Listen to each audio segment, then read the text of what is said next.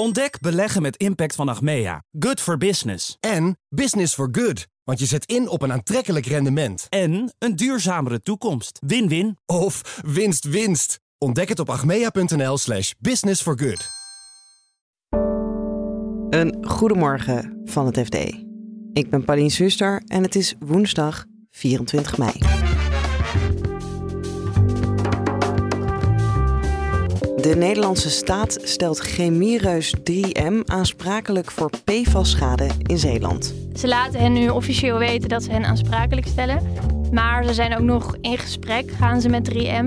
En het zou kunnen dat daar een schikking uitkomt. Gerard Sandring staat vandaag weer voor de ondernemingskamer en dreigt nu ook Structon te verliezen. Ja, dat wordt, uh, dat wordt denk ik toch weer een spektakelstuk. En de top van kinderopvangketen Estro heeft wanbeleid gevoerd. Op zo'n Holland zou je kunnen zeggen, ze hebben er een potje van gemaakt. Dit is de dagkoers van het FD. Zeeland heeft last van PFAS-schade en de Nederlandse staat stelt de Amerikaanse chemiereus 3M daarvoor aansprakelijk. De multinational, die je kan kennen van de gele post-its, heeft een fabriek net over de grens in Vlaanderen en heeft jarenlang schadelijke stoffen geloosd. Je hoort verslaggever Lisa van der Velde. In de Antwerpse haven zitten heel erg veel bedrijven, industrie, chemiebedrijven en die lozen gewoon allerlei chemische stoffen. En een daarvan is PFAS. Nou, PFAS is berucht omdat het niet afbreekt, omdat het kanker kan veroorzaken, uh, maar vooral onze immuniteit aantast en de vruchtbaarheid vermindert. En zij lozen zoveel stoffen in die Antwerpse Schelde en die komen vervolgens in de Zeeuwse Westerschelde terecht. En wat je nu ziet is dat 3M, een van de allergrootste vervuilers in die uh, Antwerpse haven, dat zij aansprakelijk worden gesteld voor die vervuiling met PFAS. In eerste instantie is het schade bij ondernemers. Dus wat je in Zeeland hebt op de Westerschelde is dat er nog garnalenvissers waren en mosselvissers. Nou ja, inmiddels zijn die eh, garnalen en vissen daar veel te vervuild om nog te eten. Dus eigenlijk is er ja, de facto een soort beroepsverbod voor hen. Dus zij hebben schade. Die wil Nederland verhalen op 3M. Camping-eigenaren schijnen ook last te hebben, misschien minder klanten. Uh, Rijkswaterstaat heeft schade gehad, want zij moesten verontreinigd slip verwijderen en ze hebben allerlei onderzoek en monitoring moeten doen. En er is schade aan het ecosysteem. En dat wil het Rijk ook gaan verhalen. Ja, en die gezondheidsschade, daar gaan ze dus ze niet aansprakelijk voor stellen? Nee, een woordvoerder van de minister zei dat dat te ingewikkeld is om aan te tonen. En er is ook nog geen bevolkingsonderzoek geweest in Zeeland. Er zijn wel allerlei particulieren die zelf hun bloed hebben laten testen, net als in Vlaanderen is gebeurd. En dan zie je dat zij hele hoge waarden in hun bloed hebben. Um, dus het zou nog zomaar kunnen dat burgers zelf 3M daarvoor aansprakelijk gaan stellen. Maar het Rijk doet dit in ieder geval niet. En wat wil het Rijk nu van 3M? Geld. ja, ze, ze, ze laten hen nu officieel weten dat ze hen aansprakelijk stellen. Maar ze zijn ook nog in gesprek, gaan ze met 3M. En het zou kunnen dat daar een schikking uitkomt. De Vlaamse overheid heeft vorige zomer ook een schikking getroffen met 3M. Uit mijn hoofd is dat volgens mij uh, eh, 570 miljoen. Wat zij gaan betalen voor onder andere de kosten voor saneren. Want je moet al die grond en al die tuinen moet je gaan saneren. Uh, het zou zomaar kunnen dat Nederland een soortgelijke schikking gaat treffen. Maar als 3M daar op de andere manier niet toe bereid is, dan zou het een rechtszaak kunnen worden. Want het lozen, daar zijn ze mee gestopt. Inmiddels wel. Het is enorm aangescherpt. En sowieso stopt 3M per 2025 helemaal met PFAS-productie. En hoe zit dat dan met Nederlandse partijen die ook dit soort schade veroorzaken? Ja, experts die wij hebben gesproken vragen zich dat ook wel af. Want we hebben in Nederland ook twee ja, omstreden chemiereuzen, zou je het kunnen noemen. Of eigenlijk is Tata Steel meer een staalfabrikant, maar je hebt hier ook geen moers. En allebei de bedrijven kan je van zeggen dat zij uh, enorme hoeveelheden chemische stoffen hebben uitgestoten en schade hebben berokkend. Dus één expert zei ook wel van waarom, ja, waarom klaagt het Rijk eigenlijk niet data op dezelfde manier aan of, of stellen ze ze niet op dezelfde manier aansprakelijk? Uh, want ook zij hebben schade uh, toegebracht. Is daar een antwoord op? Nou, het is sowieso pijnlijker en, en Nederland wil natuurlijk ook data hier behouden. Um, en dit is makkelijker omdat Vlaanderen ons al is voorgegaan. Dus het is makkelijker om een Vlaams bedrijf uh, aansprakelijk te stellen dan een van je nationale parels, ook al is die een beetje omstreden.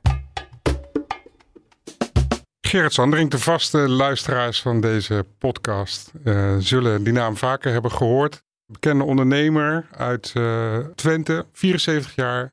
Ooit een vermogen dat geraamd werd op 450 miljoen. Maar ook een man inmiddels die uh, een enorme neergang doormaakt. naar aanleiding eigenlijk van een privéconflict met een ex-geliefde. Hij is inmiddels opnieuw getrouwd met uh, de ook wel enigszins bij onze luisteraars bekende mevrouw Rian van Rijbroek. Dit is mijn collega Joris Polman die het dossier Gerard Sandring volgt. Vandaag staat de multimiljonair weer voor de ondernemingskamer. Structon en Oranjewoud willen dat hij op afstand wordt gezet. En dat lijkt heel erg op het conflict dat we eerder ook hebben gezien en uitgebreid hebben beschreven.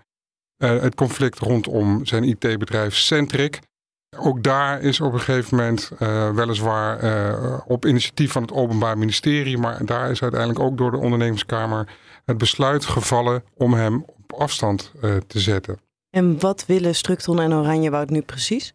Ze, dat is de Raad van Commissarissen, die hebben Sandring eind maart geschorst.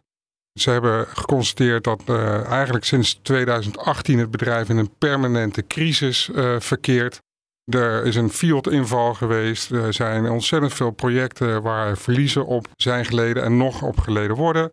Dus er is daar van alles aan de hand. En het idee is dat Sanderink niet meer in staat is om zijn eigen bedrijf weer uit, uh, uh, uit uh, de goot te trekken.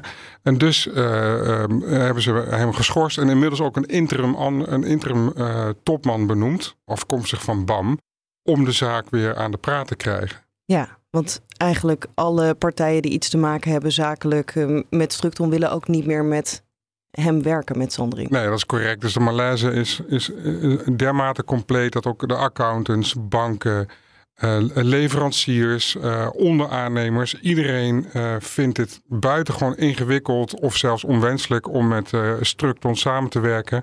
Omdat er vrees is voor de continuïteit van het bedrijf, omdat Sandring gezien wordt als een risico. Um, ja, dat zijn allemaal uh, zaken die al langere tijd nu spelen rondom Structon. Hè. Nog altijd uh, een top 10 bouwer van Nederland. Naar omzet gemeten de nummer 8. Ik heb het net nog even opgezocht. Dit is een groot bedrijf met, met, uh, met, met belangrijke projecten. Um, en, ja, en dat staat gewoon in brand. Al heel lang. En wij zijn erbij vandaag bij de zitting. ja, we kunnen natuurlijk niet in een glazen bol kijken. Maar wat zijn jouw verwachtingen? Ja, dat wordt, uh, dat wordt denk ik toch weer een spektakelstuk. Alleen al de aanloop uh, uh, is eigenlijk heel erg op zijn sanderings. Kort voor dat deze zitting plaats heeft, heeft de, de, zijn advocaat afscheid van hem genomen. Dat leidt direct tot allerlei complicaties, want je kunt eigenlijk bij een gerechtshof alleen uh, proceshandelingen verrichten uh, uh, als je een advocaat hebt. Um, en die heeft hij niet, dus hij heeft geen stukken kunnen indienen. Hij zal dus straks, vermoeden wij, zelf het woord pakken. dat zal, zoals we toen ook hebben gezien, daar was jij ook bij, in Almelo zomaar kunnen uitmonden in een uitbarsting, in een tirade tegen alles en iedereen. Want Volgens Sanderink in een nutshell is hij, hij zijn, zijn, zijn gevoel over wat er allemaal gaan is, dat is inmiddels zo vertroebeld en vergiftigd. Hij denkt dat de hele wereld tegen hem is, inclusief de rechtspraak, inclusief de media, eigenlijk alles en iedereen is tegen Gerard Sanderink. Uh, en dat is zijn wereldbeeld. En dat, ja, dat brengt hij ook met veel emotie uh, als het erop aankomt naar buiten. Dus dat verwacht ik eigenlijk vandaag ook weer dat dat gaat gebeuren. En we blijven nog even bij de ondernemingskamer, want die heeft vorige week uitspraak gedaan over de top van kinderopvangketen Estro, die zich schuldig heeft gemaakt aan wanbeleid. Redacteur Richard Smit bestudeerde de uitspraak. Hij fris je geheugen nog even op over Estro. Dat was de grootste kinderopvang van Nederland. 340 vestigingen, zaten duizenden ouders met hun kinderen. Het is ook een soort voorganger van uh, Partout, wat er nu nog steeds is als uh, kinderopvangketen. Dat werd in 2010 verkocht door de Nederlandse investeerder Bensis aan Amerikanen. Dat was ook een private equity partij. Alleen het werd verkocht met zoveel schulden dat in 2014 uh, eh, die hele club met donderend geraas instortte. Dat zat de curator uh, zo niet lekker dat hij in 2019 aan de rechter vroeg om uh, onderzoek te doen naar wanbeleid. Hij had toch het idee dat daar behoorlijk wat mis was gegaan.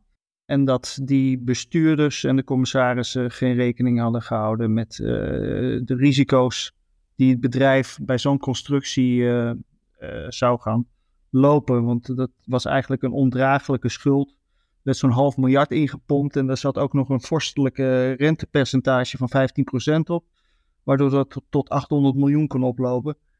Iedereen wist wel dat na looptijd van die lening dat ze dat nooit zouden kunnen terugbetalen. En uh, dat onderzoek uh, is gedaan. En vorig jaar was er een zitting waarin de curator de rechter vroeg om dat wanbeleid inderdaad vast te stellen. En dat is nu dus ook gebeurd? Dat is inderdaad nu gebeurd. En ik moet zeggen dat het vonnis is snoeihard. zowel het bestuur als de commissarissen die worden verantwoordelijk gehouden voor, voor wanbeleid. De rechter tilt er heel zwaar aan dat het bestuur de ondernemingsraad op verkeerde been heeft gezet. Die ondernemingsraad die, uh, had eigenlijk niet door, door alle constructies die voorgespiegeld werden, dat die schuld die in het bedrijf gehangen zou worden wel twee, drie keer hoger was dan zij uh, dachten. En dat is nu eenmaal een wettelijke taak dat de ondernemingsraad, medezeggenschapsorgaan, volledig en juist wordt geïnformeerd. Dat is niet gebeurd. De rechter vindt ook dat ze de risico's en de gevaren voor het bedrijf niet goed afgewogen hebben. Dat is ook een wettelijke taak van de commissarissen en van het bestuur. En dus onzorgvuldig hebben gehandeld. De commissarissen worden eigenlijk harder aangepakt dan het bestuur. Een bestuur uh, zegt de rechter van die hebben wel fouten gemaakt, maar ik vind het niet zo ernstig dat uh, hen persoonlijke verwijt valt te maken. Van de commissarissen zegt hij dat is wel het geval. Daarom zijn ze ook veroordeeld om de kosten van, van het onderzoek dat de curator heeft laten doen te betalen. Dat is toch dik 2 ton. Die anderen hoeven alleen de proceskosten te betalen. Hoe gaat dit nu verder, uh, Richard? Want het is natuurlijk al een tijd geleden. De curator krijgt nu gelijk. Heeft hij dan plannen om hier iets mee te doen met deze uitspraak? Ik heb hem erover gebeld. Dat is Wouter Jongepier, uh, die hier al heel lang aan trekt. Uh, die zei: Ik ben partij in deze zaak, dus ik wil eigenlijk niks zeggen. Hij wil dan alleen zeggen van op mijn vraag: um, wat, wat zijn nou jouw vervolgstappen? Doelende natuurlijk op een aansprakelijkheidsprocedure en uiteindelijk de schadeverhalen. Zei hij dat hij daarover moest nadenken. Maar dat ligt gewoon in de lijn der verwachtingen dat dat gaat gebeuren. Ja, maar dan zou je waarschijnlijk moeten denken aan het bestuur of aan de commissarissen toenmalig. Ja, maar uh, die zullen waarschijnlijk zelf dat soort sommen niet uh, op kunnen hoesten. En meestal is het dan zo geregeld dat zij een uh, bestuurdersaansprakelijkheid, verzekering hebben lopen of het bedrijf heeft dat lopen. Nou ja, dat moet dan wel zo zijn en het moet onder die dekking vallen. Dat is allemaal nog niet gezegd.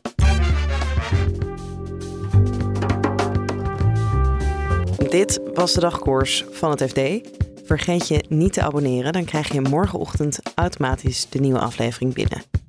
En vergeet ook niet fd.nl te volgen. Daar vind je het laatste financieel-economisch nieuws en bijvoorbeeld ook hoe het ervoor staat met de OK-zitting rondom Gerard Sandring. Nog een hele fijne dag en graag tot morgen.